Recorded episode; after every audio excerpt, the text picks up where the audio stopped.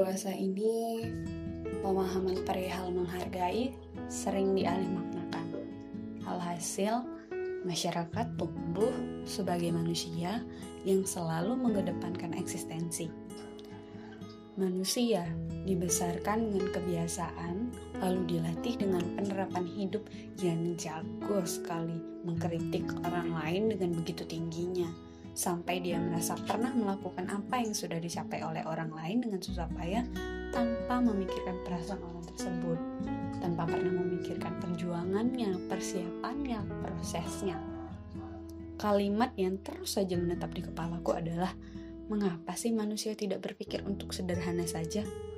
Tidak membandingkan dirinya dengan orang lain, tidak berusaha menyetarakan kedudukannya dengan orang lain, tidak berusaha membuat diri sendiri jadi tawanan karena pencapaian orang lain, tidak berusaha memaksa diri sendiri untuk punya segalanya, tidak berusaha menuntut diri terlalu keras untuk lebih dari manusia lain.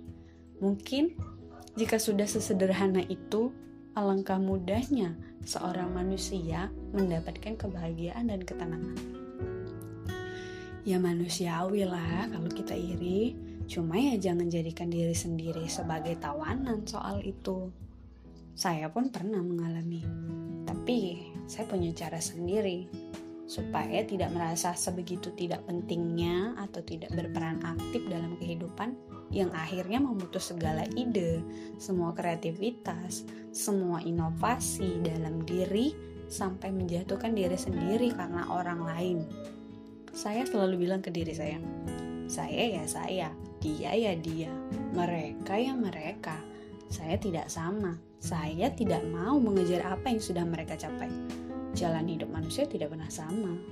Bahkan Tuhan pun menciptakan sesuatu dengan tidak sama persis. Saya belum tentu bisa, ya sudahlah. Hidup jangan terburu-buru.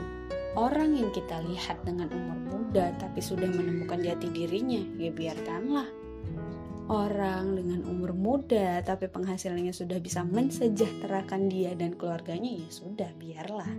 Semua orang atau semua yang ada di dunia ini sudah ada porsinya masing-masing sesuai ketetapan Tuhan. Jangan membuat diri kita sekeos itu.